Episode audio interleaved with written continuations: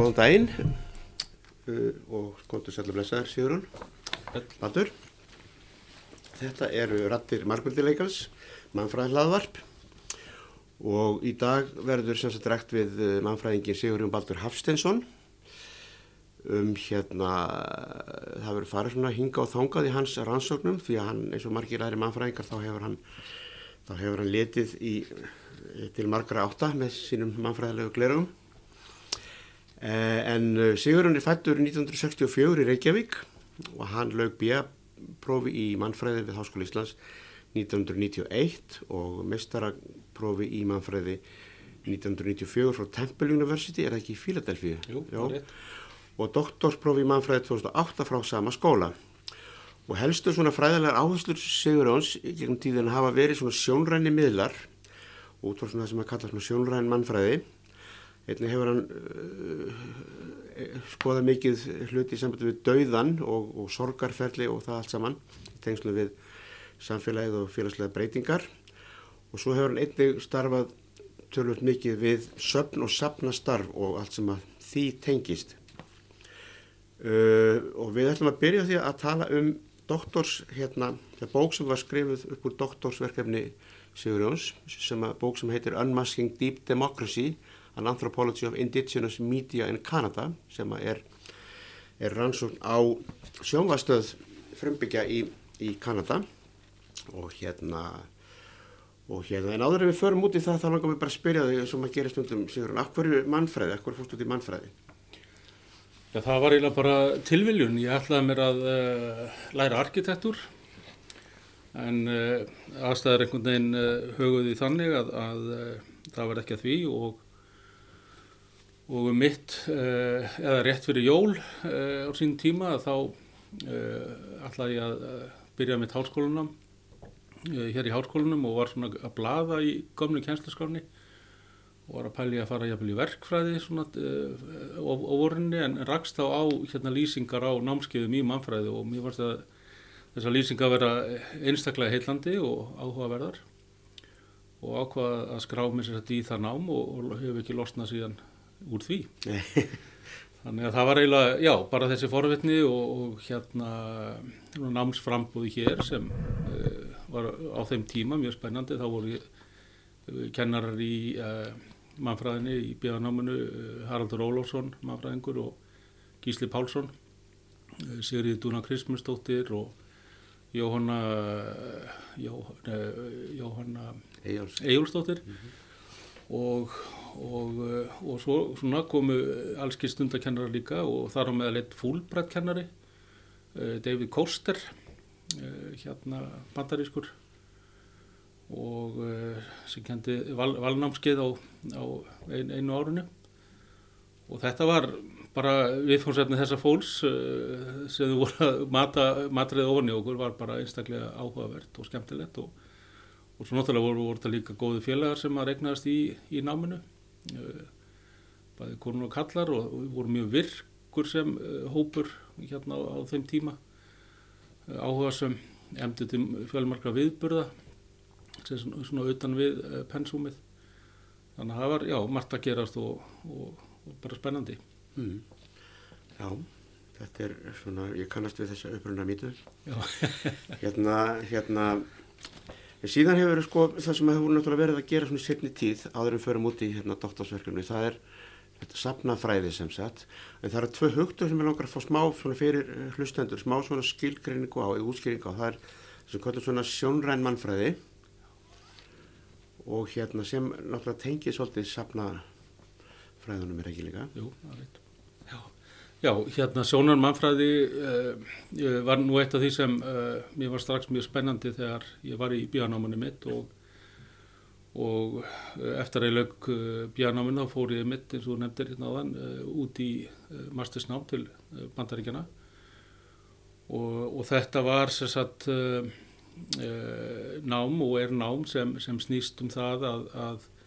nota, beita mannfræðilegum kenningum og félagsvístalegum kenningum, uh, hugvístalegum kenningum uh, á þar sem við kallað sjónarna miðla og, þetta sjónarna í okkar umhverfi mannsins. Og og, og, sjónar mannfræði snýst með öðrum orðum um, um það að, að hérna að gera grein fyrir sjóninni, hvaða hérna þýðingu hún hefur í samfélögum fyrir einstaklinga og hópa og, og þá er í raun og veru allt undir sem við kemur sjóninni, þar að segja að þetta getur verið allt frá arkitektur, landslægi E, yfir í hérna miðlar sem við maðurinn sjálfur býr til, hvort það eru hérna við rauðum upp steinum í að búa til einhverja myndir eða vörður. Geta geta verið umfyllanir svona það mannfræðingar eru teikningar, eru hérna kvikmyndir og sjónvarp og ljósmyndir og,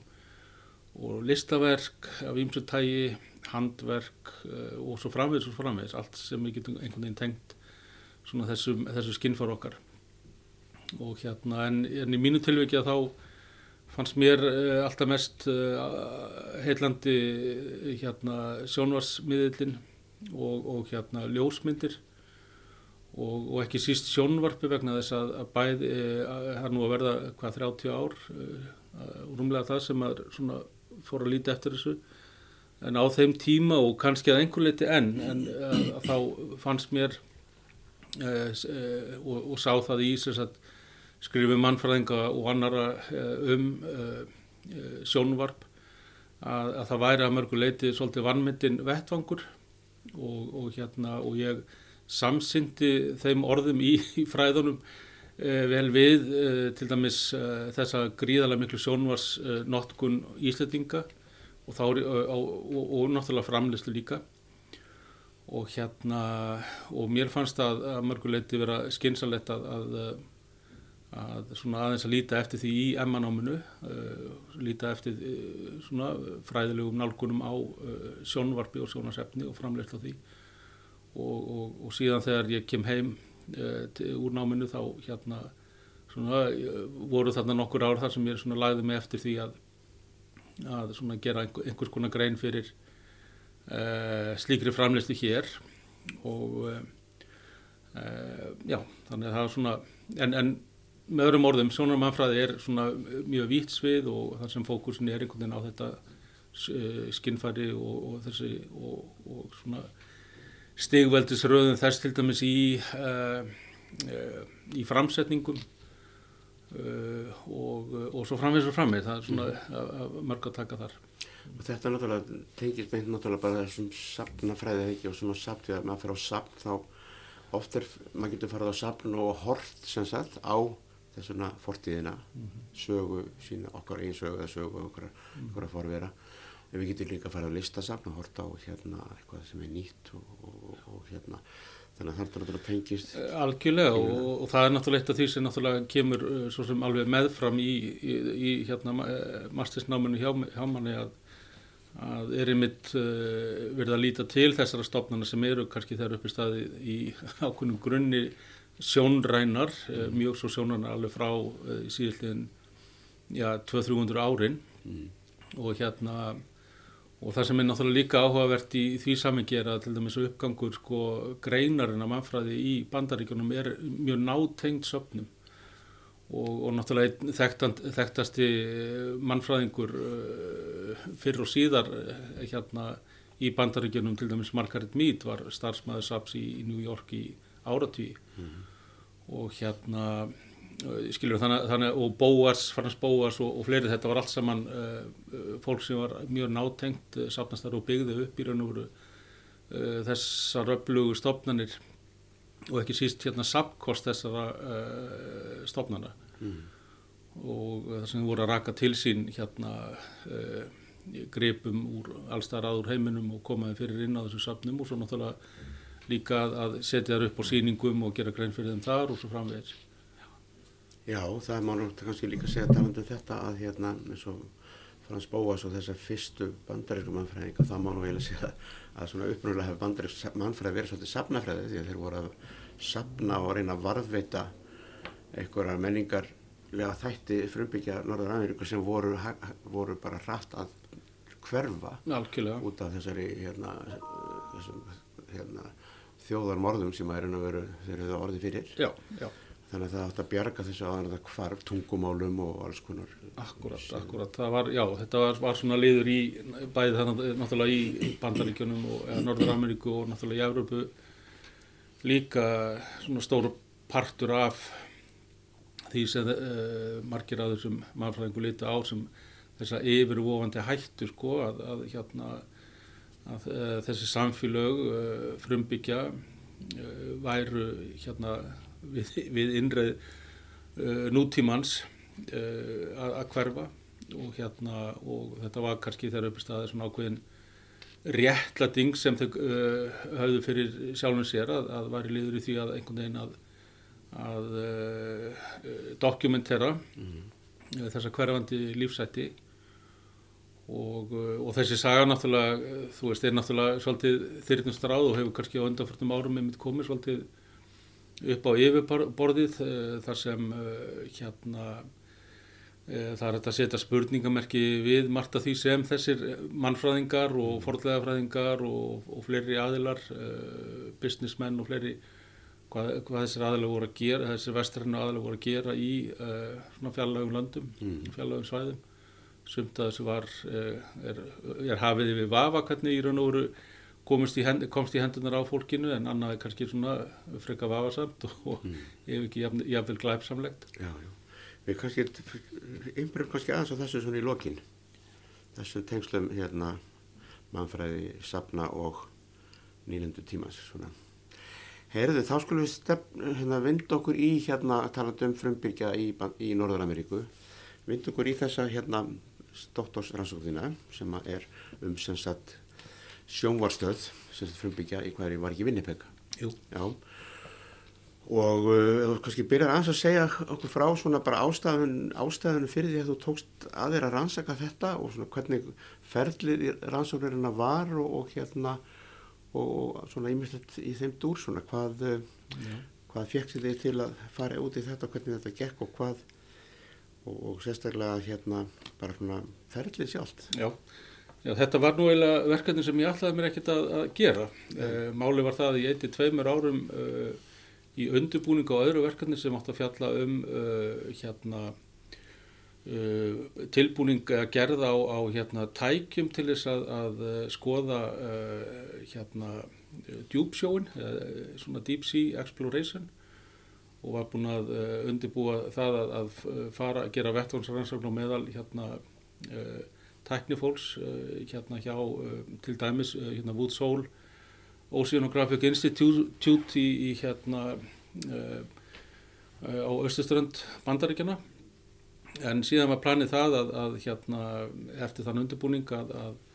að eiginkona mín Tina Greitastóttir sem er líka mannfræðingur og var á þenn tíma líka að skrifa eh, eða sapna gögnum og skrifa um, eh, fyrir sína doktorsíkjart planið var það að fara til, bandar, til Winnipeg vera þar í eitt ár og meðan Tina var ég að sapna sínu gögnum og síðan færum við tilbaka þarna á, í, á þessa hafrannsóknarstofnun þar sem ég myndi, myndi síðan dvelja eitt ár og ég við, við rannsóknir. Síðan þegar við komum þarna til Winnipeg þá gera, ger, gerum við það eins og margir að, að við fyrir á svona flóamarkaðu og kaupum hérna húsgögnin í íbúðuna sem við leiðum og lítið sjónvarp og svona fljótlega fyrstu dagana þá er, er maður að stilla sjónvarpið og þá rekst ég á þessa sjónarstöð uh, sem heitir Aboriginal People's Television Network eða ABTN og ég verð alveg, alveg heillar af, af því sem þarna er og, og, og fljótlega eftir það að þá svona eftir að búin aðeins að kynna með málið eh, með hana fann það út að höfustöðar eh, stöðurinn að væri þarna í Winnipeg að þá eh, eftir, eftir þá svona eftir grænslan að þá eh, leita, leitaði til eh, leifberinda minna og, og spurði hvort ég mætti skiptum efni. Þetta var eiginlega þannig tækifæri að það var ekki hægt að láta það úr, úr greipum sem fara, ekki síst vegna þess að ég hafi verið undanfarin tvö ár að vera að kenna námskeið í Temple University um sagt, media anthropology eða, eða fjölmiðla mannfræði og þar var náttúrulega aðeins komið inn á svona fjölmiðla notkun og framleiðslu hérna frumbyggja viða um heim. Og, uh, og ég vissi það að, að, að það var þörf, maður getur orðað svo fyrir uh, frekari rannsóknir á því séði, það voru ekki mjög margir sem uh, mannfræðingar eða aðri sem hafa lagt sig eftir því að, að skoða uh, uh, svona þennan hluta uh, í,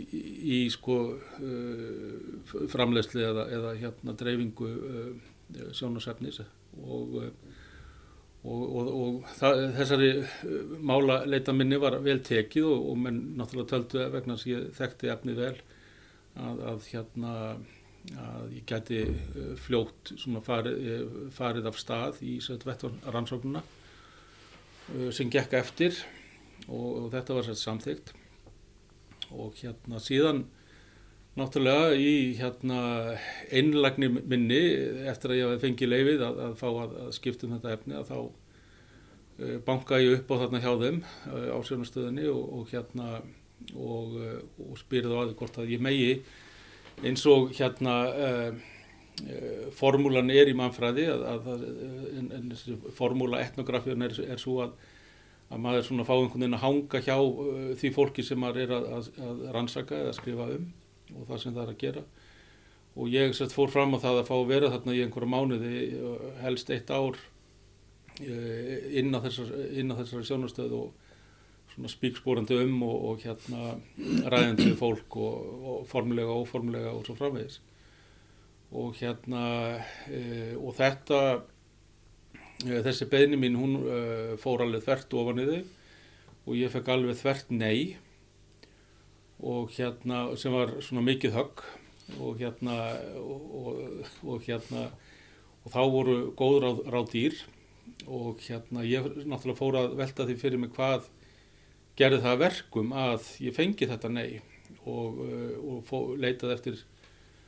því að fá uh, fund þarna með uh, aðilum í ársvögnastöðunni sem var alveg sjálfsagt og, og eftir þann fund, eftir þær samræður uh, var í raun og alveg ljóst sem ég hafði ekki gert mig grein fyrir áður að þetta fólk sem vinnur þarna stöðunni sem er að mest stærst, langstærstur hluta til frumbyggjar en, en, en frumbyggjar í Kanada skiptast í svona til til að þrjá, eða má ég segja þrjá flokka. Þetta eru innúítar meiti fólk sem er svona blanda af uh, hérna First Nations fólki og, og frönskum innflytjandum og síðan First Nations uh, hérna sem eru fjölmarkar uh, þjóð, þjóðir þarna. Og hérna þannig og, og uppistæðan sér þetta af hérna því starfsfólki sem þar er eru sett frumbyggjar. Og það fólk sem ég talaði þarna við á, á fundinum voru það og en eftir fundur var, var mér eiginlega orðu ljóst hvaðan þið komu, við getum orðað svo. Og þá var bara, má ég að segja, svona basically viðhórið það að uh, uh, frumbyggjar eru uh, þarna í Kanada, eru búin að fá sér fullsatt af hvítum, gagkinnheðum karlmönnum með góðar góðar óskir eða good intentions sem, uh, og ég, ég er nú uppfylgti allt, alla þessar eh, svona krítiríur held ég. Og hérna en, en svona í uh, þessari ný, nýlendu sögu yfir 500 ára nýlendu sögu uh, frumbyggja þjóða í Norður Ameríku og þá er þetta þegar upp í staðin ákvæmlega staðan að, að hérna í mörgundur ár og enn í dag er, er að flæða yfir þessar byggðir hérna fólk með góðar óskir, uh, good intentions og, og, ofta, og framanna náttúrulega voru það mestuleiti kallmenn og, og hérna og svo framvegis. Og uh, en spurningin er eins og kom fram á þessu fundi ok, en hvað er í þessu fyrir okkur? Ef þú vilt koma hingað inn til þess að rannsaka hvað, hvað eru við að fá út úr þessu? Og mér náttúrulega var við svolítið tungað um höfuð, þannig lagað. Uh, hérna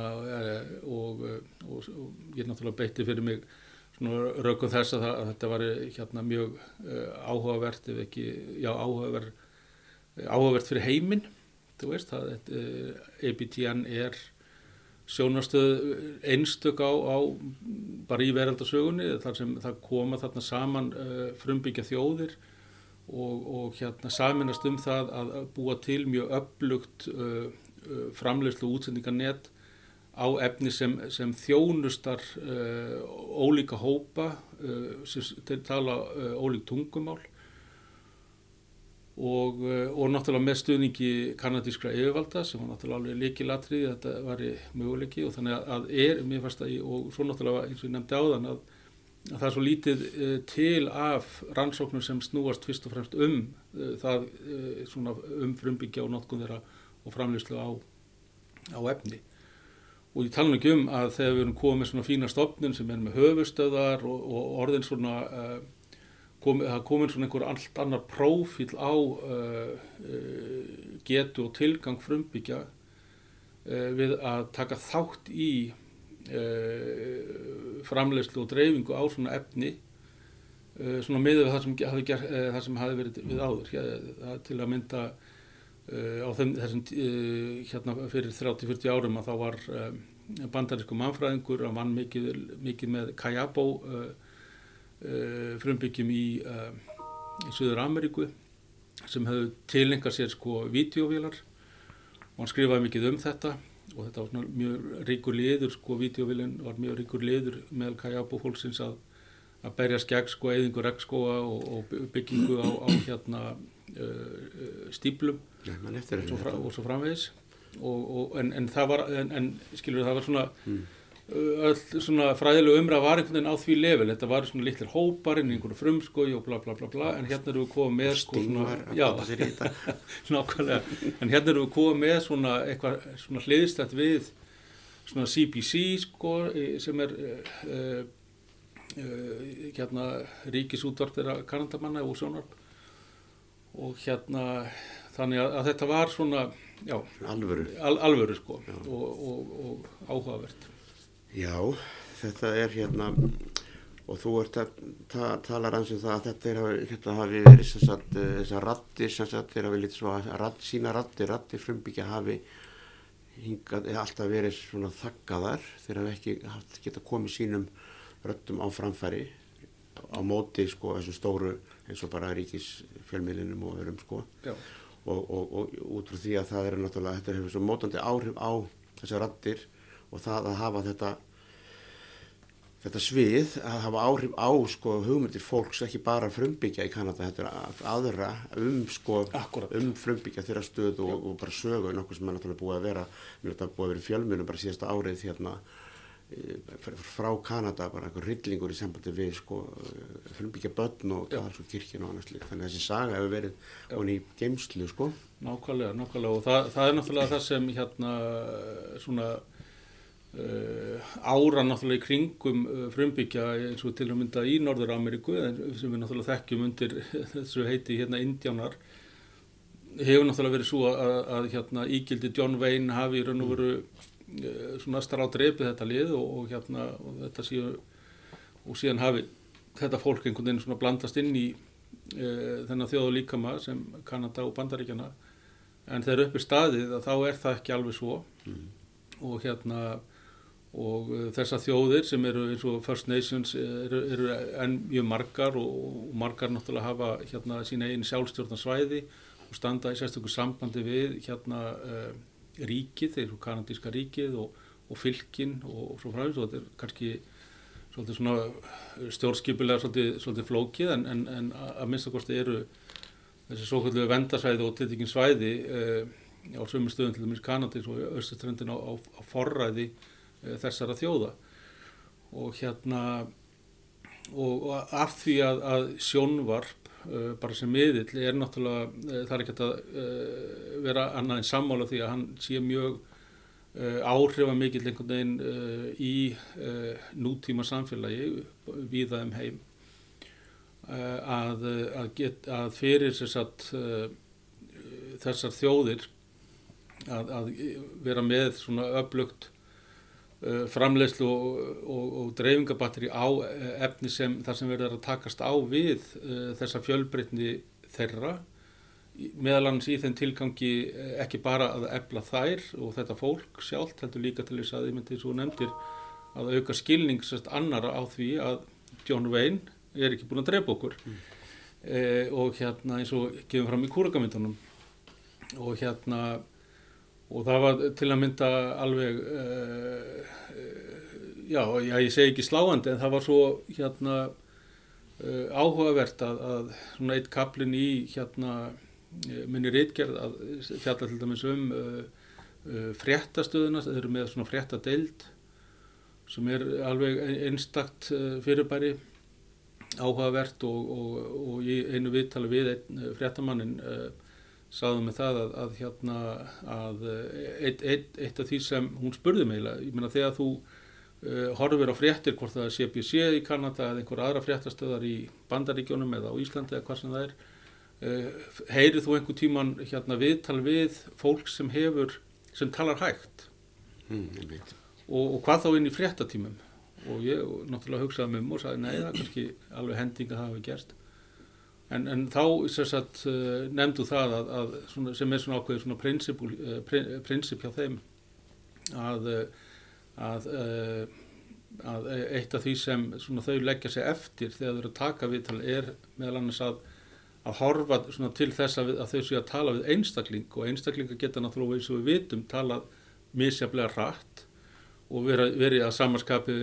misjaflega, misjaflega greinagóðir en af hverju eiga fréttamenn að, að svona reitstýra því út og horfa engangu til til dæmis þeirra sem uh, hérna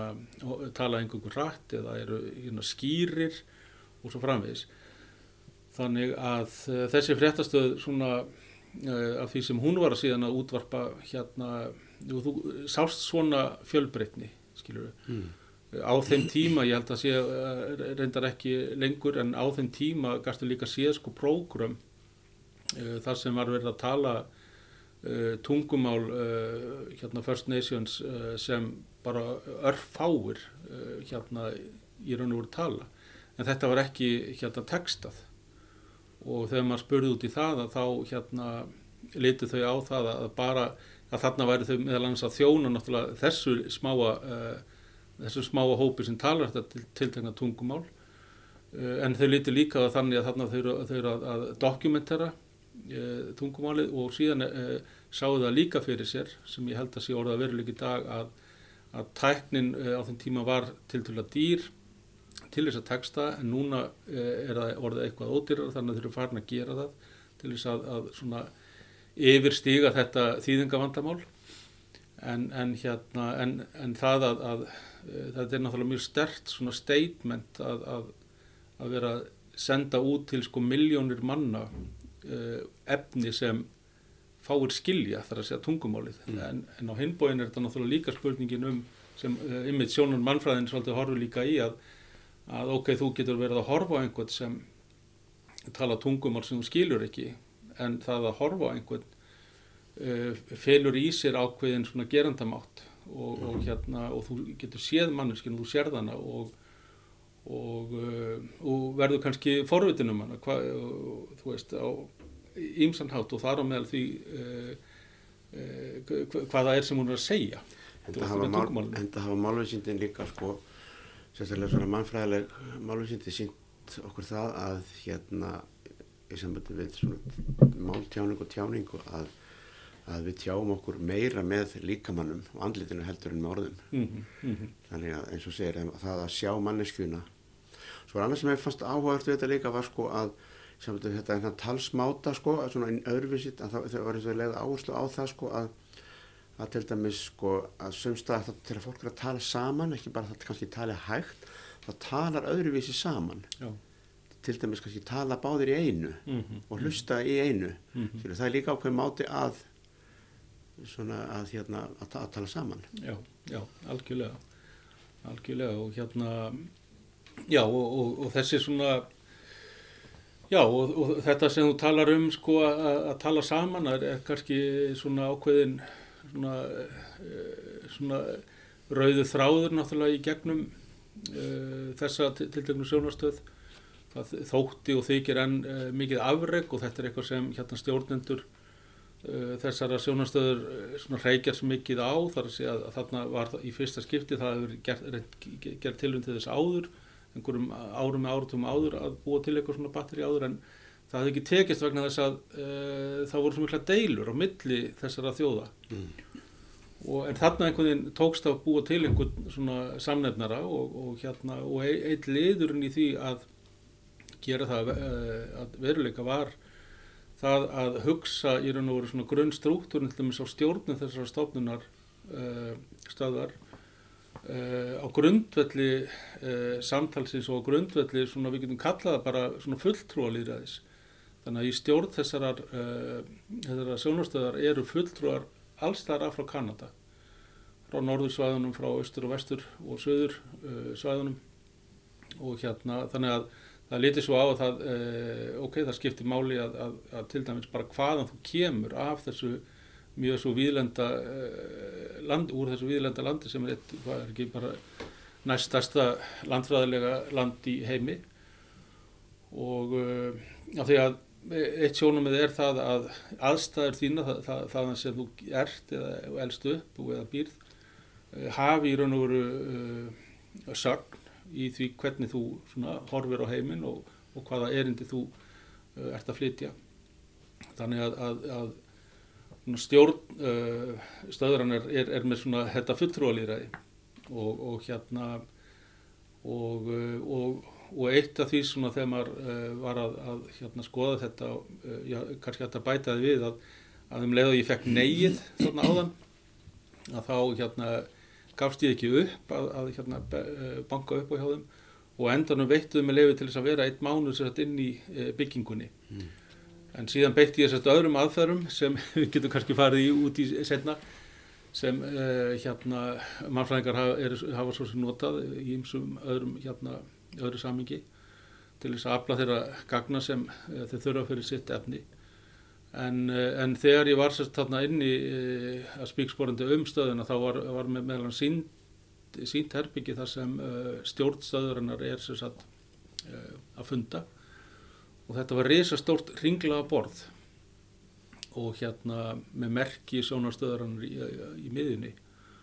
og sá sem var að sína mér þetta sagði, það fyrsta sem hann sagði var hér eru allir jafnir.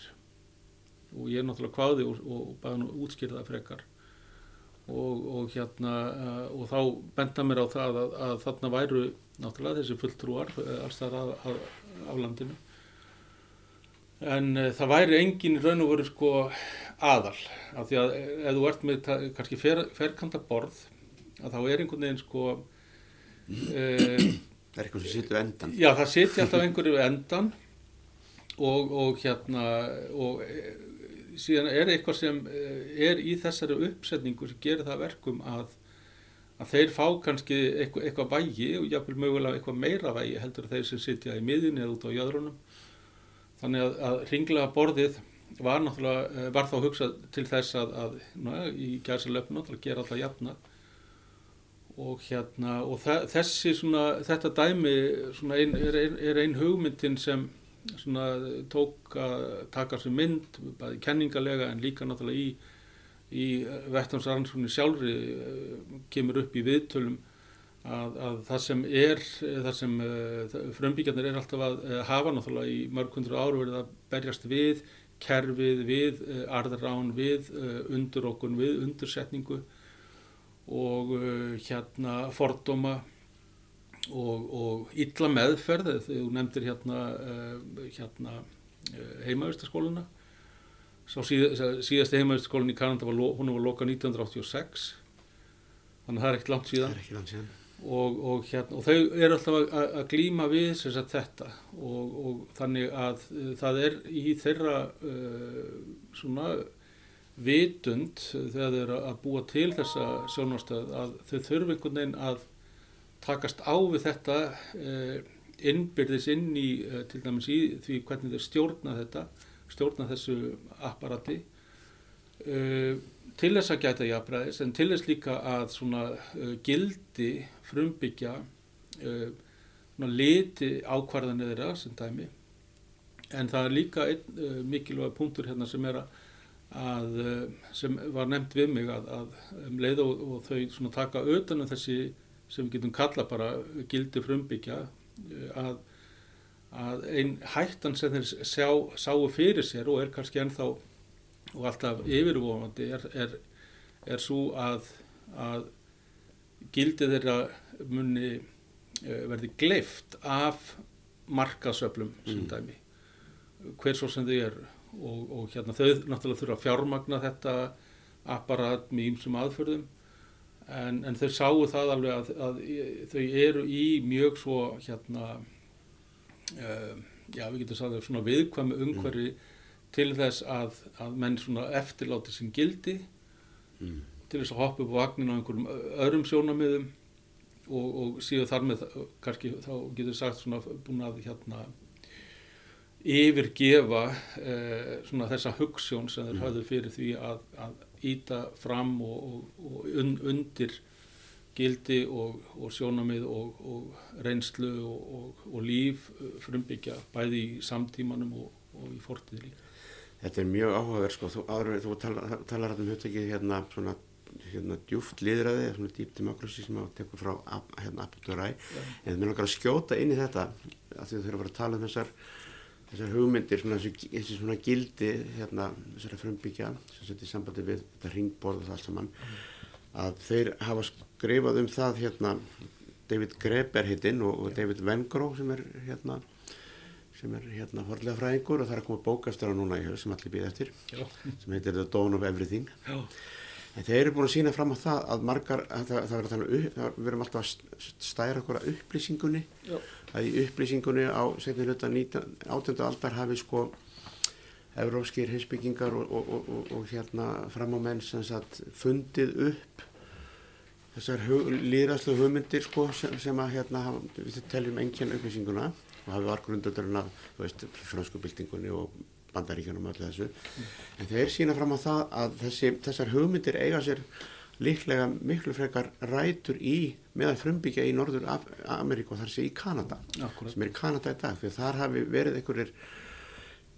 sem sagt eh, nýlendu eh, hérna gaurar einhverjir sem að hafi verið að náttúrulega kynst og í samskiptum við hérna ákveðna svona einhverja höfðingja eða einhverja einhverja leiðtóa í þessar samfélaga. Og þar hafi sem hafi verið með þessar hugmyndir og þeir hafi í raun og veru fengið þessar hugmyndir þar. Já, frá, frá þessum, þannig að upplýsingin sé á, á sér rætur í með frumbyggja Norður Ameríku. Akkurat, já, já, þetta er alveg, alveg, alveg rétt hjá þér og, og, og, hérna, og það er náttúrulega til uh, hérna, gríðarlega mikill uh, litteratúr bæði eftir, svona, bæði eftir frumbyggja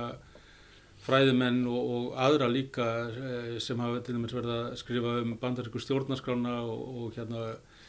þar sem uh, menn hafa einmitt verið að benda á þetta að, að þegar það er upp í staðið að þá er sko,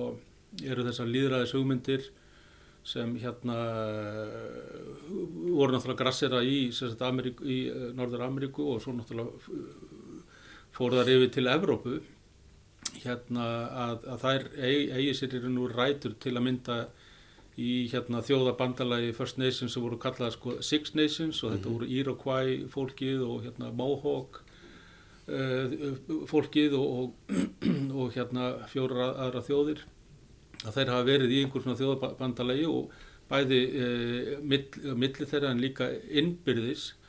hafi í raun og veru stjórnskipila þeirra uh, borið þess merki sem við köllum í dag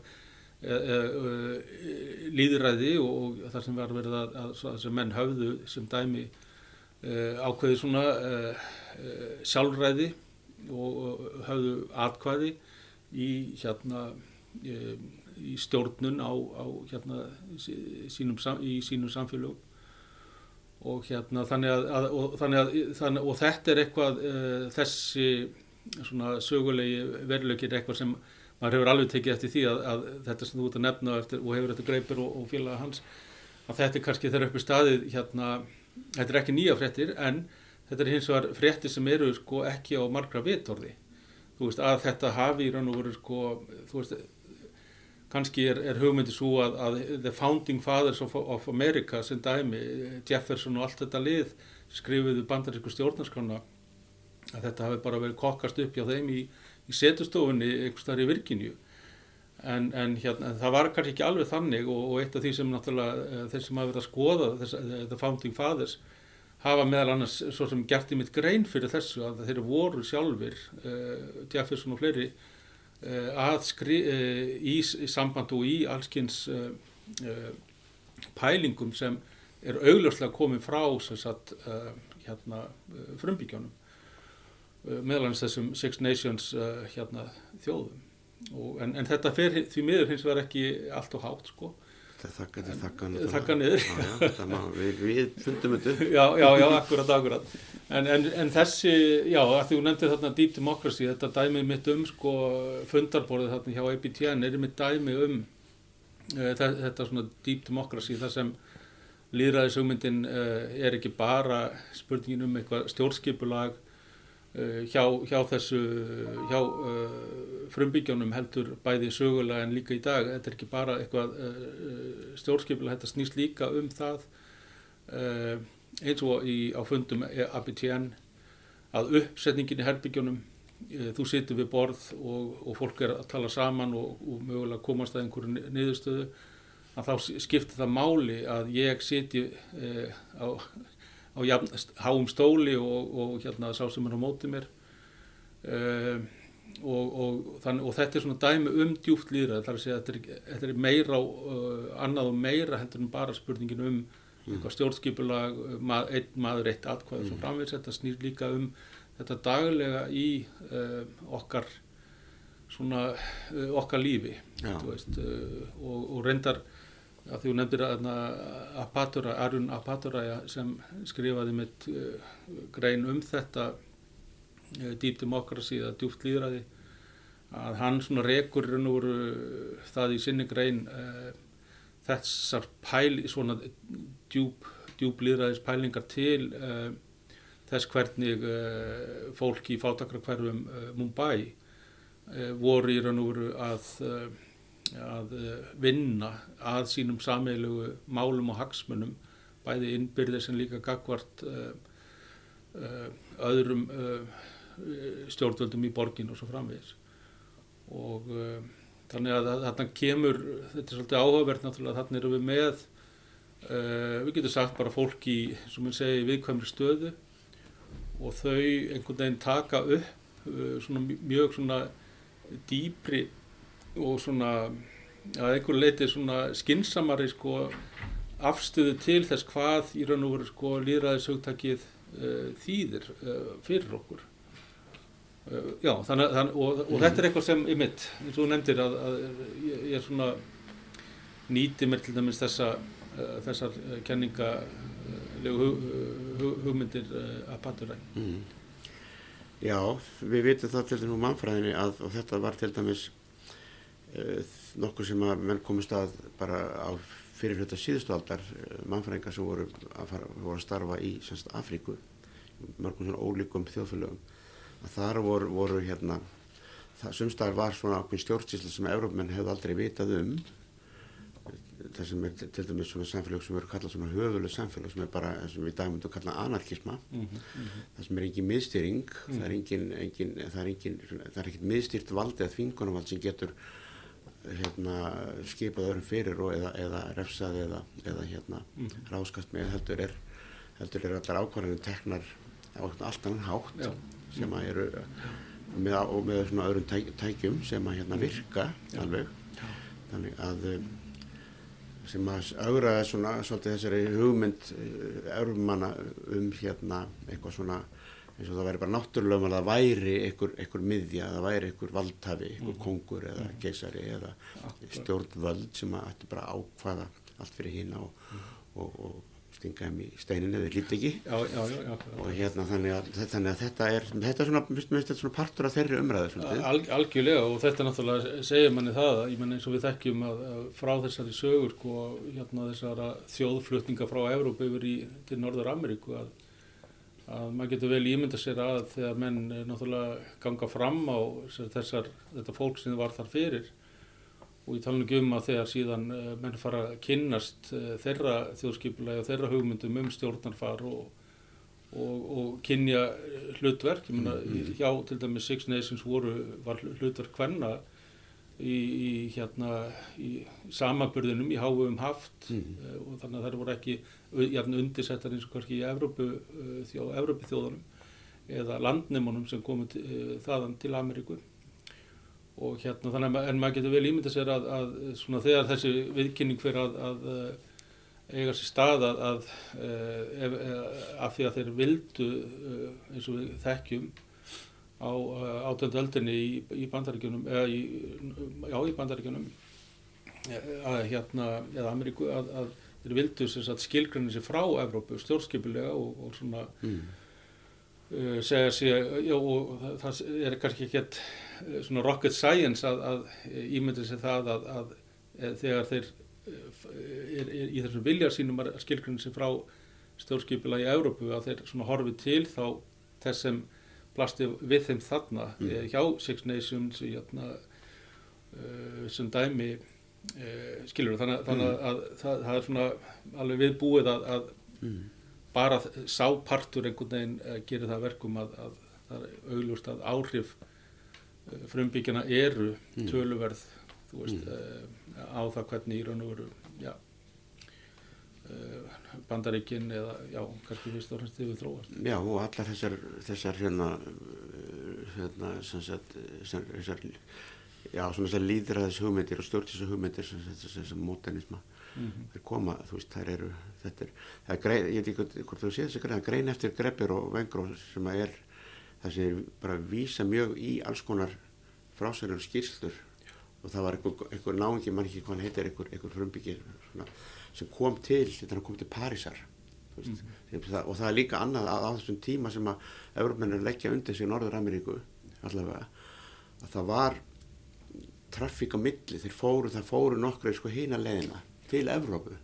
Og hittu einhverja svona áhrif með þar líka. Ah, þannig að þessar hugmynd, þetta var svona cross-pollination sem að sletti nú, já, já, á hugmyndum já. yfir allansæfi þarna á átandöld, jáfnvel fyrr. um svona alls konar hugmyndir þannig að þetta, eins og segja, þetta var ekki til í setjastofin í yfir kínu yfir búrbón en hérna, segðu mér, hefur þið fylst eitthvað með þeim þessari, þessari, þessari stöð áfram? Uh, já, já, ég er náttúrulega alltaf með svona augað, uh, annað augað á henni og hérna og það, það sem er, að gerast er að þau eru bara eflast ef eitthvað er og, og hérna hafa haft, uh, þessi stöð hefur til dæmis haft gríðarlega áhrif á framleiðslu, bæði hérna sjónvarsefni, sláttarserja, barnaefni og kveikmyndir og þarna er náttúrulega líka uppeldistöð fyrir sem sagt eh, fólk í leikarastjætt í tækningeiranum uh, tækifæri sem uh, að öðrum kosti hefur kannski ekki verið til staðar ef, ef staðurinn nýtti ekki við þannig að markfæld, það eru gríðarlega marg markfældnis áhrif mm. og svo mhm. kannski líka annað sem að nefna sem er líka áhugavert er að, að á Nýja sjálflandi sem dæmi og, og hérna ég man ekki hvað það er í, í Asíu en bara sem dæmi, tvö dæmi á mörgum að þá hafa uh, frumbyggjar uh, á þessum stöðum uh, sótt mikið til þeirra þarna í hjá EPTN mm -hmm. og, og þannig að, að, að þetta framtak þeirra hún sett á lakirnar, eða fór í lofti 1999 og hérna að þetta framtak þeirra hefur haft svona náttarann áhrif þar að segja mm. uh, eld í raun og veru sko fyrirmynd, já, gert, verið fyrirmynd fyrir aðra frumbyggja eins og mm. nýjar sjálfndir sem dæmi mm. og, og það eru það eru mér sættið samtök svona hérna eh, frum, frum, þar sem frumbyggjar eru í standa í svona fjölmjölar ekstri -hmm. og hérna mjög öflug og þannig að já, þannig að þetta er svona áhugavert. Svo er þetta náttúrulega örgla í dag er það ekki rétt sem er aðgengilegra bara út af, út af sko, netvæðingunni og, og veist, það, geta, það er að senda þetta út bara á netinu já, og þetta er orðið ódýrar að gera meira. Akkurat, akkurat. Og, og svo náttúrulega þetta sem við erum að gera hérna hlaðverf er náttúrulega mjög algengur máti til þess að hérna er, og er svolítið að koma í staðin fyrir útvarstöðar sko. Algjörlega, algjörlega og það er um þess að þau á nýtt sem mjög hérna ríkulega sko að mm erum með beinar útsettingar og, og hérna og, og það er náttúrulega er alltaf, við erum með þessu nefnd aðan hérna þess að fretta frettadelt og, og hérna og það er alltaf þegar maður dettur inn í þetta þá þú, það fer aldrei á milli mála hver í raun og veru svona þeirra sjónamið er. Þar að segja að það er verið að, að hérna ef það er einhverja stjórnvalds aðgerðir á vegum trúdó stjórnarinn eða hvernig sem það er þá er alltaf þessi svona frumbyggja vingil einhvern veginn á því okkur hvað, hvað þýðir þetta fyrir okkur veist, og uh, þar sé fólk sem er á uh, dreiftum þetta stóra land. Þetta hefur ákveðna vikt er ekki þyngd í dag. Jú, jú, Já, já. jú, jú algjörlega. Þannig að algjörlega. þessi hún hefur áhrif. Já, ég myndi halda það. Já, Já, heru, þetta er þetta er alveg mjög áhugavert hérna og, og hérna áhugavert hérna þekking sem er hana þetta er eitthvað sem enginn hafði hugmynd um það var eitthvað svona, eitthvað svona mögnuð sjómastöð í frumbyggja í. Kanada sem hefði þessi Mm. áhrif en hérna þá ætlum við að venda okkur algjörlega hérna hinum megin við ána og ræða aðeins um hérna bók sem að þú og hérna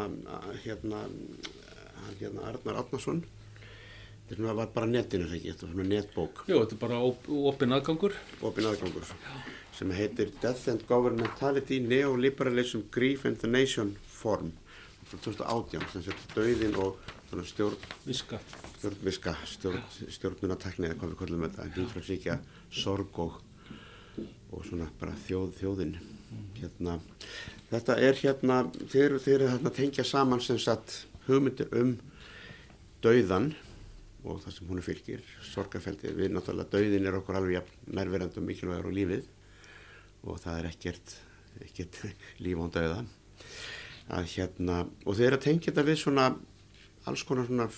félag, þjóðfélagslega straum og breytingar hérna sérstaklega hérna á Íslandi og kannski á Vesturlöndum. Hvað hérna,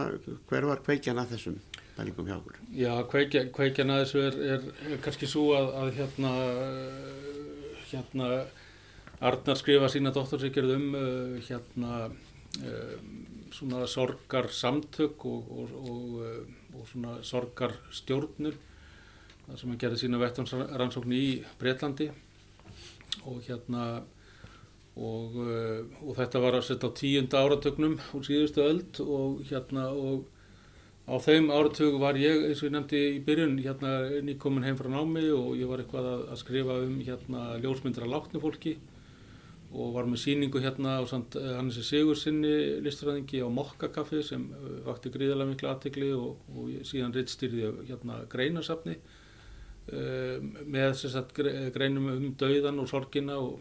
bók sem heitir Eitt sinn kal- skal hver deyja og er líka einmitt aðgengileg í opnum aðgangi fyrir þá sem hafa áhuga. Og, og síðan svona má kannski segja svona 1990 og uh, uh, já, sjö eitthvað svo liðis að þá er, e, eigum við þess að samtal, ég og Arnar og, og, og að því ég var að tala um í byrjun hérna hvernig að því var spyrum um hérna bíanámið að, að hérna og ég nefndi að, að, að maður hefði eignar skoða félag og, og Arnar er sérst einn af þeim. Ég verðum, góðu vinnir en við erum sérst þarna á þessum tíma að, að 97 cirka bát að, að tala saman 96 að tala saman einmitt um þessi mál, dauðan og sorgin og allt þetta og þetta líflega efni og hérna og þá svona má ég segja uh, byrja þessi vekkferð þar að segja að, að við förum að leiðum hesta okkur saman og hérna förum að uh, velta því fyrir okkur uh, sem er í raun og veru þetta klassiska viðfónsætni í félagsvístarna sem er einhvern veginn spurningin um einstaklingin gagvart hérna heildinu og hvernig er þetta samband á milli uh, tiltíkina uh, já, heilda, samfélaga eða, eða stopnana, hvernig það er. Og hérna og, uh, og það svona eitt af því sem Arnaldum er spennti hérna mér á því að hann hafi verið mjög svona upptíkin af þessu svona í, í sínu doktorsverkefni svona þessu kenningalega þessum kenningalega skrifum um dauða og sorgina að þetta væri svolítið merkilegt að, að þetta uh, þessi þessa ljósmyndir sem ég var að grafa upp úr hérna söfnunum hérna, ljósmyndarsöfnunum sem og hérna uh, notandi snjóbolta aðferðina ég var að tala við fólk uh, þú veist, vinnu og kunningja og var að spurjast fyrir um það hérna hvort að fólk væri að taka svona ljósmyndir í jarðaförum eða svona hérna er, uh, hérna hvað heitir það þegar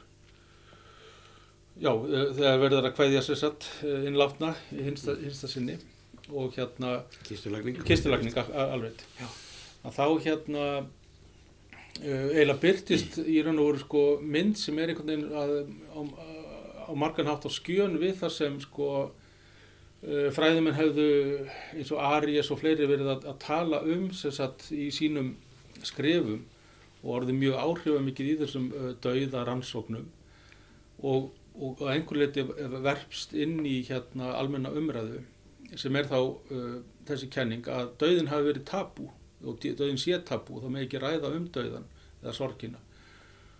og en, uh, Þetta er en, þetta sérst- fyrir ekki að þetta er sérstaklega bara á Vesturlöndum er ekki? Já, á, á Vesturlandi, jú. Og hérna, en, en, en þess, þetta svona ljósmynda, hérna, uh, krukk mitt kannski uh, gefið til kynna annars konar mynd. Það er að segja þegar, uh, ég meina þessi tabúhugmynd er kannski þegar uppi staðið ekki, hérna, rétt. Og hérna, og þetta, svona, þetta er svona upphafið og síðan hérna skrifum við nokkra greinar í kjölfarið sem sagt á þessu, næst, og þetta er búið að vera yfir 20 ára sam, uh, samvinna og þar sem við erum að taka svona allskins uh,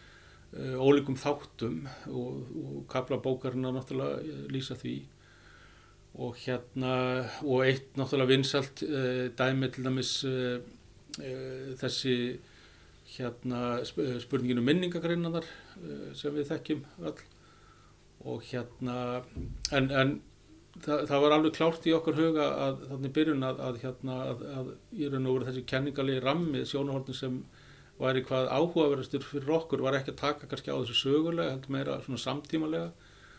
Og, og, og við þurftum þar með svona að í, raun og veru að tengja þetta við og vildum við höfum áhuga því að tengja þetta við sko pólitíska, menningapólitíska þróun á tíunda áratögnum hér á Íslandi og svo náttúrulega það sem hefur gert síðan. Og hérna og og það sem er náttúrulega eins og við þekkjum er að, að þessi nýfrjálsíkju hérna pólitík hún tók sér stöðu í, í pólitíkinni og í hérna stjórnvisku hérna samfélagsins og í stofnunum þess á tíund, í byrjun tíunda ára tögurins og, og er enn við líði og við svona erum að tengja þessa ólíku þætti eins og dæmis skrifin um uh, látna einstaklinga í, í minningagreinum að gerum uh, tilhengið þess að einhvern veginn að færa rauk fyrir því að, uh, að þessi svona pólitíska, breyða pólitíska breyting og áherslunar í hérna í samfélaginu hafi breytingu í förmessu með með það hvernig ég sem einstaklingur og þú og aðrir sem eru mögulega að hlusta hugsum um uh, hlutin og þar á meðal um dauðan og um sorgina. Og að því að nefni hérna minningagreinar þá uh, sjáum við það að uh, eins og kemur fram í þessu kapla að þá að það verða ákveðin umskipti á því hvernig til dæmis hérna umskipti sem við sjáum enn í dag. Þar sem við tókum viðtal meðalans við hérna, Mattias Jóhannesson sen uh, reynstjóra morgunblassins á sín tíma og, og, uh, og hann hafði, var, stóð algjörlega í veginu fyrir því að uh, líkið væri ávarpað og, og það sem hann átti við með því er að, að það hafði færst svona smám saman í aukana að menn var að senda inn sem sagt minningagreinar þar sem var verið að segja hérna þú Óláður minn varst mér mjög svo hjartkær, ég elska þig og svo framvegis. Minning þín lifir um ókonan tíð og svo framvegis. Og þetta var fyrir Mattiasi svona vísbendingu um það að þarna verið verið ávarpa líkið. Og, og, og hérna, og hvernig svona, og einn spurningin er þess að svo hérna, hvernig, hvað þýðir þetta í svona bæði fyrir hérna einstaklingin sem skrifa svona en líka fyrir stóra sammingið og það sem náttúrulega kom okkur með, ekki síst á sporið með þetta var til dæmis Guðmundur Andri Tórsson skrifaði grein um, um, um þessa breytingur sem náttúrulega blasti við öllum þar sem ég man ekki hvað grein heitin heldur heitið eitthvað já, þetta var eitthvað tengt engaveðingu sem var náttúrulega hluti og er hluti af þessari e, nýfrálsíkju stjórnvisku þar að segja að, að svona prívatisera að engavæða e, sem flesta þætti Uh, samfélagsins séða hagkvæmt, það er verið að íta undir hérna einstaklingshyggju Markasvæða bara döðan það er, ég meina, það er ekki langt þegar ég stóði stóð, stóð í svona hlutum og, og þetta er bara, maður er bara í viðskiptum við einhver fyrirtæki sem mm. eru að selja sem er búin að taka að sér alla þessa, alla þessa svona gæðsalapa þjónust, Já. eitthvað sem fólk gerði bara sjálft í fyrir. akkurat. Að, að, að þetta er, þetta er te, markaður tekur þetta úr höndunum að, á svona mjög viðkomin tíma og, og hérna, maður er alveg meðutar um það að maður er að, að hérna, að, að, að þannig að þetta er orðið til dæmis bara að það er orðið mjög dýrt að deyja Mm, af því að markaðurinn, og það er búið að marka svæða þessa, einmitt sem er náttúrulega hluta þessari nýfrælsíkju, mark, marka, allt er verðsett og markaðsett. akkurat, akkurat. Einmitt, og, og, og þessi svona, já, og, og þessar svona breytingar einmitt uh, viljum við sér halda fram að þær svona halda svolítið í hendur við, við það hvernig við uh, hugsum um þessa hluti og, og hérna og, uh, og minningar enn reitt hérna þessari dæmið um það. Og, og síðan náttúrulega hefur þetta svo, svo sem alveg komið inn á hérna aðra miðla, ég menna morgublaði er ekki kannski með jafn sterkar stöðu og þó eh, sem hérna dauðablaðið að sá vettvangur þar sem eh, helstu minningar endar eru, ég menna við erum að sjá þetta líka á Facebook og, og jafnvel er, er, er Facebook síðan haldið lifandi hjá látnum einstaklingum og fólk er að skrifa inn að þar Og er þetta takaður og, út? og, og, Það er þetta takaður Já, það er hægt að taka úr, já, en það er hægt að, og menn, ég hef séð það að fólk er að skrifa mm. til hins látna og svo framvegist, þannig að uh, já, og, og þetta erum við svona að reyna að, að hérna tengja einhvern veginn við uh, hérna, já, þessar svona samfélagslega breytingar og uh, og breytingar sem sagt á því hvernig við svona managerum eða uh, st- st- stjó, stjórnum uh, því sem er tengt döðanum og því sem er tengt sorginni, alveg sem þú varst að nefna hérna áðan, eða stór breyting frá því sem kannski var. Og hérna og þetta hefur líka áhrif uh, fyrir okkur og við sjáum það til dæmis mjög uh, sem er náttúrulega spurningin, ég meina af hverju er þetta? Að, að, fyrir það fyrst að við erum að, að hérna ávarpa líkið þegar við notum hérna Mattias Nattur en svo er þetta líka það að, að akkur eru að sjá uh, hérna þessa aukningu á uh, þessu uh, þessari hérna þessu innliti inn í það uh, þegar einhver deyr uh, og, og því til dæmis fjölmiðlað þessi miðlað inn í fjölmiðla eins og DFF og, og mögulega annar staðar þar sem fólk er oft með langar hérna uh, lýsingar á sínum hérna stríðum eða, eða við sorgina og, og jafnvel með ljósmyndum. Og þetta er náttúrulega, þeir eru upp í staði náttúrulega eins og maður segja hérna mjög svona prívat Mm. uh, hérna deiling. En, en, en það verðist vera einhver, einhver, einhver, einhver reyfing í gangi sem hefur verið hérna undanfarin 20-30 árin sem gerir það að verkum að, að fólk er tilbúnar til þess heldur en áður og hérna og við svona einmitt reynum þá að, að tengja þetta við þessar stóru samfélagslegu breytingar sem Og þetta er náttúrulega líka talandi um sko nýfrælsíkjuna og, og svona sorgarferlið og eins og sé það er maður, maður sér reglulega í blöðum svona sagt í, á, á, á meðlum viðtöl við til dæmis fólk út, sem hefur mist eitthvað sem sagt viðtal við sorgina og missin og allt þetta. Og, og ok, fólk getur haft ástæða til þess að og þarf á því að tala um þetta en uh, það er líka markaður fyrir þessu. Fólk hefur áhuga á því að hlusta á þetta. Mm og hérna veist, eins og segja áður fyrir var þetta kannski þetta var kannski bara meira þetta var ekkit, þetta var ekkit borðið á torg. Nei, einmitt, einmitt. Og þetta kannski þegar upp er staðið að, að, hérna, í, að þá er kannski þessar pælingar um uh, sorgina, um dauð, hugmyndir um dauða. Uh, ein, ein af svona kannski líkil hérna uh, rýmum í samtímanum, í þessum mótinismu okkar sem við ymmit erum að, að í, í bókinni en, en líka í hérna, nýri grein þar sem við erum að takast á við hérna, lofslagsbreytingarnar og, og, og þessa, þennan, þetta kvarf hérna, Jökullinn og dó. jökuls sem er raun og veru dáin að þá er verið, er verið að, að, að það, er- það, er- við erum svolítið að reyna að gera því skóna að, að hérna að, að þetta séu gríðarlega mikilvægt við getum bara að kalla það lím mm. uh, fyrir uh, stjórnvisku af því að ef við til dæmis hugsaum um það að hvað ger, gerðist hérna við innleðingu nýfrálsíkjunar á tíunda ára til síðustu aldar að það, og sem við svo sem, uh, sem sprakk í andlitið á okkur hérna 2008 var það að það var náttúrulega bankandi voru seldir, ríkisfyrirtæki voru seld og, og hérna það var gríðarlega gríðarlega svona samfélagslegar struktúrbreytingar einhvern veginn á uh, samfélaginu. Og þá náttúrulega spyr, getur maður spurt sig uh, ok, hvað uh, sem er náttúrulega pólitík spurning hérna, en, en hvað er þá eftir til þess að halda okkur saman sem Mm. þjóð? Hvernig getur við verið, þjóð ef við að vera eins og var hérna viðkvæðið hérna í eitt, tvo áratug að við ættum að vera alþjóðleg? Alþjóðleg fjármála miðstöð það var mér sem verið að nefna það að við ættum að vera tvíting það var að tala um það á alþingi og við varum orðið svo alþjóðlega við ættum að fara að tala ensku og svo framvegis. Þannig að, að hérna, hvað, hvað heldur okkur saman? Og, og þetta er að okkar mati svona eitt af því sem uh, ge, gerir það verkum að, að hérna við uh, getum saminast um að um, þessar hugmyndir okkar um Uh, við getum bara kallað menningarlegar hugmyndir þar sem menningin er þá með öðrum orðum svona þetta, svona við, þetta lím eða, eða þetta stykki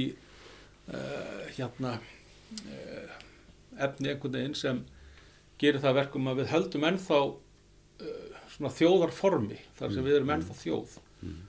Þó svo allt annars er farið. Við erum ekki að reyka þjóðarbanka við erum ekki að reyka þjóðarfiskvinnslu fyrirtæki við erum ekki að reyka þjóðar hitt eða þetta. Landsliði hjóðbólta okkur þegar það gengur vel. Já, já, akkurat, akkurat, akkurat. Þannig að þetta er svona, já, svona liður í því einhvern veginn að, að uh, og sem er náttúrulega verið að leika sér með. Já, þau tal, talar einmitt um sko samvættu við þetta þess að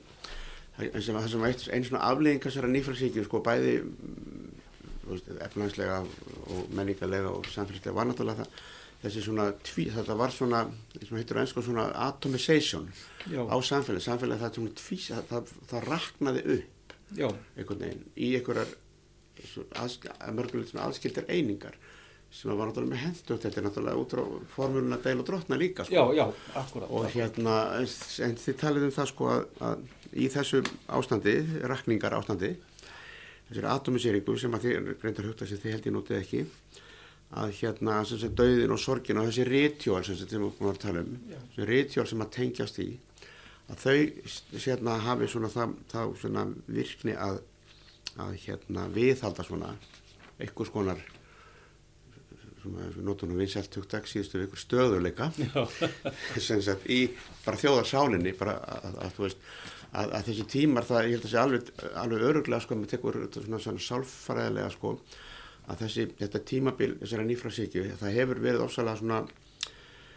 það hefur verið ofsalega svona órólegt Mhm. og þetta ska, hefur skapað óróleika í, ef við getum sagt við tölum áður um þjóðar líkama sko verið þjóðarsálinni sko Já. þetta skapar tvíst, tvístringu þetta skapar ákveðin átök og svona, og svona polariseringu í samfélaginu Mm. sem eru alltaf meira og meiri bæði sko hugmyndafræðilega og náttúrulega líka brefnaðslega mm, mm, þannig að þetta hefur valdið svona ókýrð mm, í hérna, ekki bara hér á Íslandi heldur bara um allan heim, sko, þetta kerfi sem að flemmar gerir fattir að sjá nema ekki nema hér, að, hérna, að þetta er náttúrulega kannski það sem að segja kannski að, að þessi dauðin og sorgin og þessi rítjóra þessi svona, hafið þennan eiginleika geta haldið ykkur saman? Já, akkurat, akkurat.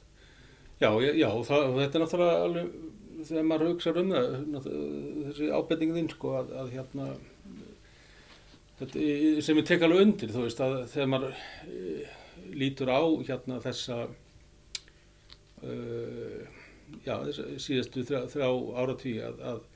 þá hafa orðið mjög miklar samfélagslega breytingar hérna en, Mm. en kann, og jú, kannski að einhver leita á einhver tiltökum tímapunktum uh, geta menn sagt að þarna hafi verið einhver ókýrð, þetta er náttúrulega svolítið subjektíft mat og allt það en, mm. en það er samt svolítið merkilegt að, að á sama tíma og ég held að menn sé alveg sammála um það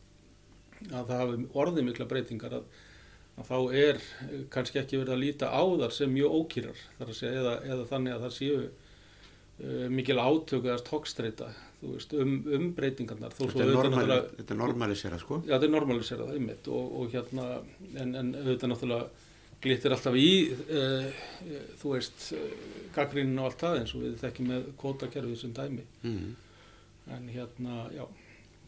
að, en, en þarna, sem sagt, með öðrum orðum að þá leika, uh, já, döðin, sorgin og eins og nefndir hérna ritualin, mjög miklu í kringum það, mjög miklu máli og hérna, og til dæmis bara, þú veist, stopnun uh, sorgar samtaka, þar sem það eru einstaklingar sem hafa orðið fyrir missi, sem Mm. taka sér saman Mm. og, og gera þetta að, við getum alveg litið á sem svona enterprise, sem ákveður svona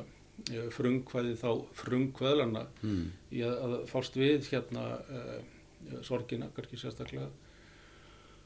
uh, sem svona lið ymmit í þessari svona, uh, svona uh, hérna í þessum ferlum öllum. Mm. Já, þetta er áhugavert. Og svo er annað, ef við höldum áfram með dauða og sorg þá er það þessi greið sem þessi þú og hérna því félagar sem skrifuðu þarna um jarðsetningu jökulsins sem dó og, og það sorgar ferli og þar kemur hugtakið hérna sem að er farið að verða held ég svona bara held ég svona raunverulegt svona fyrirbæri dag sem að þetta er kallt svona vistfræðilega sorg Já. og það er ekki bara sorg okkar mannana yfir því að það er alls konar bara þessi náttúru, þessi ógegn náttúrunni og okkur sjálfum bara og þessi vistkeri sem við lifum í heldur, heldur hefur er, hérna líka stund verið að tala um að það er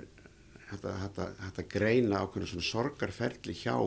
ákveðnum lífverum mm. eins og bara dýrategundu sem eru komnar í einhverja svona einhverja svona eins og einhver kallað svona death zones mm. í útrýmingarhættu bara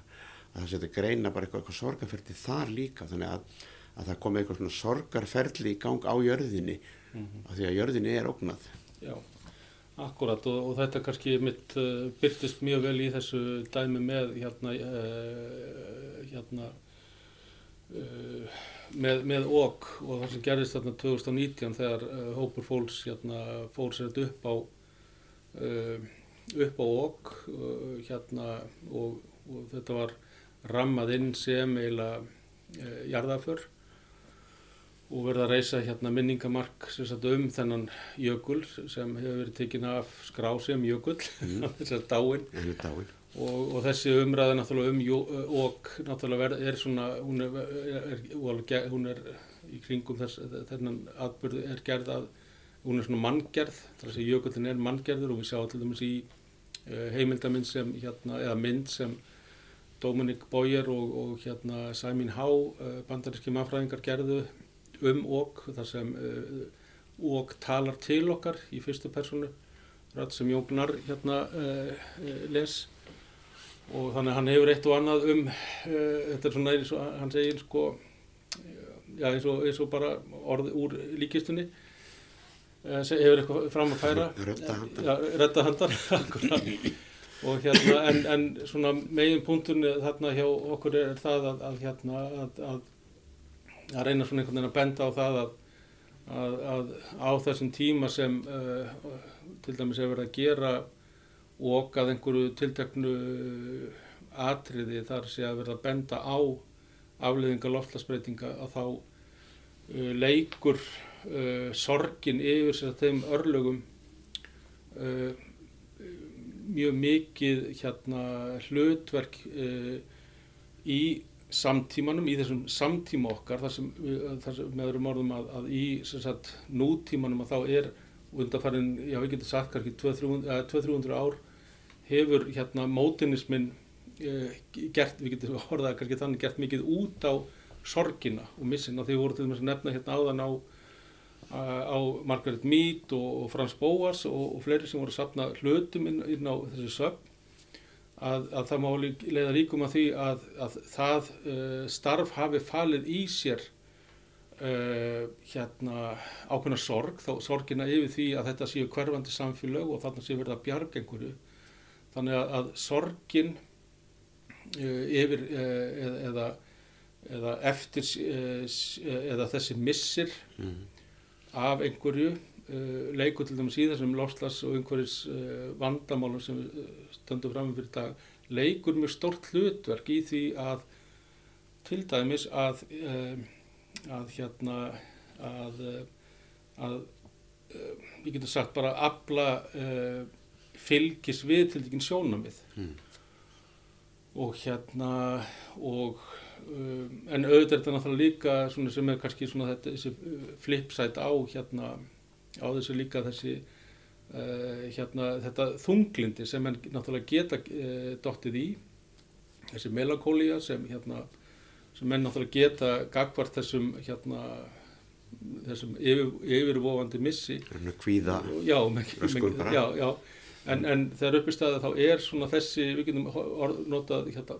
þessa hérna, fúkórsku uh, kennisetningar um sko tækni, þetta er svona technologies, þar að sorgin er einhvern veginn kannski í þessu tiltekna samingi ákveð tækni til þess að, að hérna, að uh, já, ekki aðtikli á uh, auka fylgi við til dæmis það að menn hugsa um þessi mál Mm. og, og náttúrulega mögulega líka fylgi, fylgi þeim sem hérna bera haga náttúruna fyrir, uh, fyrir brjósti að, að þeir hoppi á þann vagn. Mm. Þannig að, að uh, já, þannig að þetta er svona, svona eitt, eitt þráðurinn í sem sagt, svona þeim pælingum. Já, svo er náttúrulega annað sem er alveg stórkoslegt í sambandi við þetta, jökulinn sem dó, að, uh, sem er alveg opbóðslega tákur, en það er nafnið á þessum fyrirverandi jökli. Já, Bara ók, þetta er eitthvað ók sem að, sko, þó jökullin sem dái, þá hefur ókið ekki minkað, sko. Nei, einmitt, einmitt. Akkurat, já, þetta verður svona eh, skemmtilegu leikur með, hérna, með orð og, og ég mynd þessi bandarísku mannfræðingar, þeir með nefndi myndinu sína, uh, ég var það ekki bara not og, not og sem maður náttúrulega getur við fyrstu sinn kannski einmitt uh, lesið þannig að þetta sé ekki lægi, Já, já, not ok. not ok. Þannig að, hérna, já, Heyrðu, Sigur, svo er hérna, svo við vikjum okkur enn annað í lokin sem að er reyndar svona kannski skilt þessu því að það er ákveðin lífvera sem að er ekki alveg, ekki alveg handangengin en hefur átt, hefur átt, átt svona í, í vöka verjast og það er hérna sérstaklega, sérstaklega íslenska byggingalist sem heitir Torfhús og hérna grein sem að þú og Tinna skrifuðu um það sem er stór skemmtilega hérna sem er torfús sem er ofur lífverða hún er reyndar á ennsku en þar sem að við byrjaði að segja að gangin í Íslands torfús er opna leið inn í ofur lífverðu mm. og þið fjallið svona um það hvað hvað skona lífverða þetta er og hvað, hvernig dætti ykkur þetta í hug Já, þetta er uh, verkefni sem uh, ég og Tina Gretastóttir höfum verið að vinna að undarfarin 6-7 ár uh, og snýst um uh, það eins og segir að, að líta á torfhúsið uh, sem hérna vistkerfi eða ofurlífuru raun og hérna hyperobject eins og hérna Timothy Morton hefur skrifað um. Og hérna þetta má segja er, er sprettur að einhver leiti úr pælingum mínu sem hef, var, hef, var í þá eða áður og, og svo hefur það sem al- alveg haldið áfram sem ég hef verið að skrifa um þess að torfhús og meðalans beitt hérna etnografiskum aðferðum mannfræðina við það að, að til dæmis að benda á það að, að, uh, það eru átök um það hvað um uh, það hvað torfhús uh, séu og hvernig uh, eigi að viðhalda þeim sem dæmi. Eitthvað sem hérna sjón, sjónahort sem, sem er, er svona kannski þeirra uppi staðum svolítið mannfræðilegt. En, en hérna en í okkar tilviki að þá uh, erum við sérst að, að nota, við kallum þetta verkefni Turf Fiction og hérna og, uh, og við erum sérst að horfa á sérst uh, það að uh, eitt, ein staðhæfingin sem við setjum fram í til dæmis þessari grein og öðru sem hefur látið frá okkur um þetta er að að jú, við getum kannski haldið því fram að, að hérna, að torfúrum séu hérna byggð af manninum. En á sama tíma uh, uh, er, er, er þessi flutningur á efni úr mýrinni, þar sem torfið er, hérna, tekið upp og, og síðan er það sniðið til inn í til, fyrir, til þess að móta bygginguna. Uh, timbrið sem notað er þarna inn í og, og svona önnur efni grjót og grjót og fleira. Að, að þetta er þegar uppi staðið hérna uh, verður þegar, þegar uppi staðið að þetta er samvinnuverkefni uh, uh, efna eins og moldar sands, grjóts timburs og, og svo náttúrulega örvera hérna skordýra fræ. fugla, músa og svo framvegis og framvegis og, og hérna, og ég er náttúrulega þessu sambíli mannsins við í raun og veru þessar, allar þessar lífverur og, og þessi efni þessi lífrænu efni uh, náttúrulega móta sett, viðgang hérna þessara húsa og, og hérna og, og til dæmis bara lyktin sem er inn í torrbæjum þú veist þessi Mm. moldarlykt hún er hún er þarna uh, vegna örverana og þannig að við erum göngum inni og erum inn í sagt, uh, þessu rýmu örverana þegar við erum inn í uh, slíkum húsum. Og, og hérna og við erum sagt, að, að fást við þetta svolítið á þessum fórsendum og þetta er náttúrulega svona kenningalega er þetta, er þetta hérna inspirerað af svona þessum post-human hérna, kenningarömmum og uh, það sem meðal, meðal annars er verið að, að líta til sko skáldskapar eða fictions. Þar sem, þar sem til dæmis vegna þess að þetta sjónahortin er kannski mörguleiti nýtt fyrir okkur að líta á til dæmis okkur torfhúsið er lífverða, torfhúsið er, er samvinnverkarni, örverða, mannsins og fleiri þáttar að þá kannski stöndum við frammi fyrir því að við þurfum að, að kvót on kvót sko skálda inn í þar að segja beita ákveðinu innsægi sem við getum kallað e, skáldskap eða hvernig sem það er til þess einhvern veginn að, að brúa bylið e, í þessu svona rofi sem e, verður á milli okkar sem mannveru, mannvera og, og, og hérna tökur sem dæmi örvera eða hérna, músa þar sem við getum ekki tala saman nema á takmarkaðan hátt. Og hvernig eigum við einhvern veginn að, að díla við það e, þann þýðingavanda mm. og hérna og þetta og menn náttúrulega kannski spyrja sig hérna því ok og hvað svo og, og eitt af því sem svona markmiði hjá okkur í þvíverkefni er að, að, að í ljósi þess eins og margir hafa talað um eh, Donna Haraway hefur til dæmis eh, bandaríski eh, Uh, hérna fræðimæðurinn hefur til og með sagt það að við, að við búum á sagt, ónýtri jörð, damaged planet og við þurfum að, að laga hana. Og þar á meðal með því að innleiða svona uh, sjónahortni svo ég var að lýsa fyrir það með, með torrbæin uh, að við séum í þessu saman með, ekki bara manneskjan heldur aðra lífverður að önnur efni og við þurfum einhvern veginn að taka svona heil, heilstæðir á, á okkar tilveru. Eh, að með því að eh, horfa á eh, torrbæina þá er eitt markmiði hjá okkur með þessu verkefni er að, að hugsa til dæmis til þess okkur hvernig getum við að við reynum að skilgrannan á þennan tildegna hátt líta á hann á þennan tildegna hátt tekið ákveðin svona element úr uh, þeirri skoðun inn í já við getum sagt bara nútíma byggingar eða nútíma aðstæður okkar sem eru þá þegar uppi staðið svona sjálfbærari að því að torparinn er náttúrulega eins og við vitum mjög svona sjálfbær uh, arkitektúr og við þurfum meira uh, að slíku og við þurfum náttúrulega að hugsa meira um slíkt. Og þarna uh, höldum við því fram að, að torparinn sé mjög gott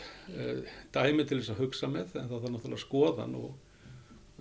grannskoðan frá mörgum ólíkum sjónahortum, þetta er mjög þverfaglegt hérna verkefni, við erum að vinna með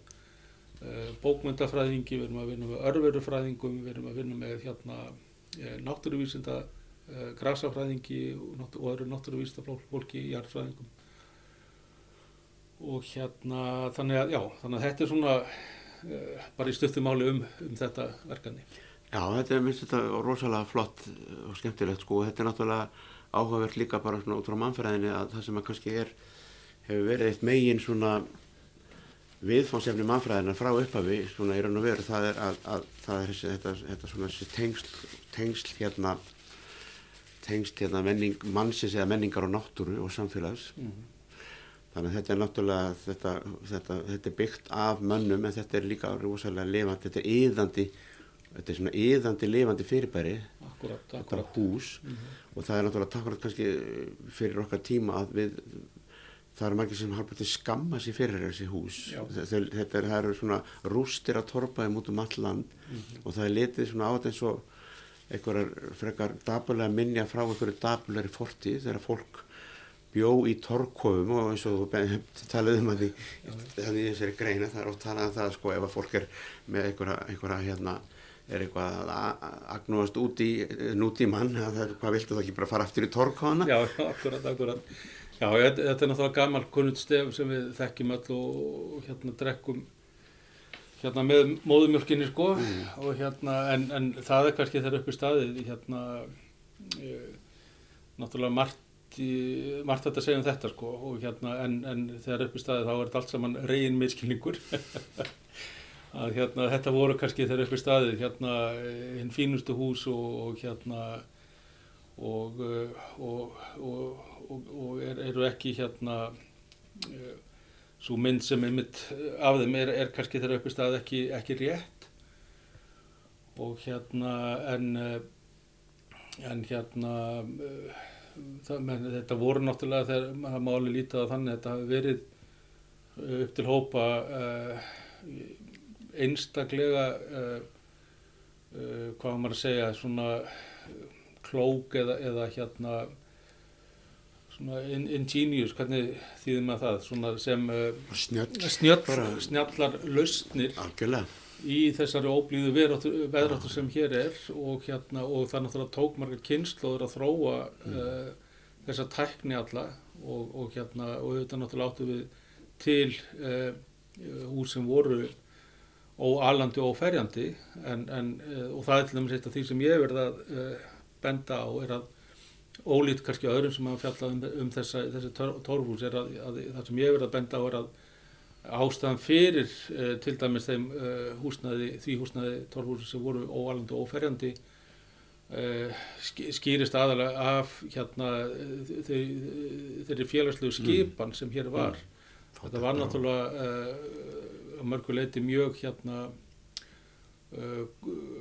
erfitt samfélag fyrir meginn þar á 80-90% uh, fólks fátækt og, og, og takmarkanir. Þar sem var verið að íta undir uh, hérna veraldlegar veraldlega kosti elitunar þeirra sem áttu allt. Og húsnaði tók auðvarslega hérna mið af því. Og hérna en en, en, en, en þráttur allt að, að þá sem sagt er, eru, má kannski segja að mati okkar tinnu að þetta sé e, þrá, þráttur þessa slæmu svona ímynd að þá hérna e, á í raun og veru þessi tildegna arkitektur brínt erindi inn í, mm. inn í okkar samtíma í, í ljósi þeirra, já, við getum sagt bara arðaráns og, og og uh, í raun og veru líka sem er mjög, kannski mjög mikilvægt að benda á að, að þess, þessari svona litlu umhyggju sem við höfum sínt uh, jörðinni og, og hérna því landi sem uh, okkur er trúa fyrir mm. ég, sem við fá erum bara með að láni mm. núna ein, sem er ymmið sjóna með frumbyggja meðal annars mm. í Norður Ameríku þar sem við erum bara hérna mm. með þetta láni, þetta er ekki fyrir okkur, þetta er fyrir komandi kynnslóðir mm. og náttúrulega aðra lífur líka, það er eiga mm. sinn tilveru rétt. Þannig að við þurfum kannski, og það er kannski annarlið sem við lýsum í þessari grein sem þú ert að vísa til, sem er náttúrulega þetta umhyggju hugtak, kér, að, mm. að hérna að bæði með tilliti til sko torfhúsins en líka náttúrulega annar þátt sem varðar Uh, til, uh, tilvist okkar og framtíð er að við þurfum að sína um, meiri umhyggju uh, það er svona, þetta er siðferðileg krafa mm. Uh, til okkar sjálfra og, og komandi kynsluða og annara lífvera að, að hérna, við sínum hérna, meiri umhyggju fyrir því sem, við, sem okkur trúa fyrir með því að, að lenda hérna á á þessum netti. Nákvæmlega, en það er það náttúrulega sko, við mannfræðingarnir veitum það að það er náttúrulega það að ummíkjan, það að sjá um hvert annað, mm -hmm. það er megin ástæð þess að við lifðum af mm -hmm. upp, og, og, og það er megin ástæðan fyrir ástæðan sem mögulega getur gert það verkum að við munum lifa af Akkurat. í framtíðinu Akkurat. Og hérna ég held að þetta sé alveg ágætið svona loka pæling og bara þakka þér alveg kærlega fyrir. Já, þetta var tífulega áhugavert og við getum að setja hérna fram á kvöldmáttalega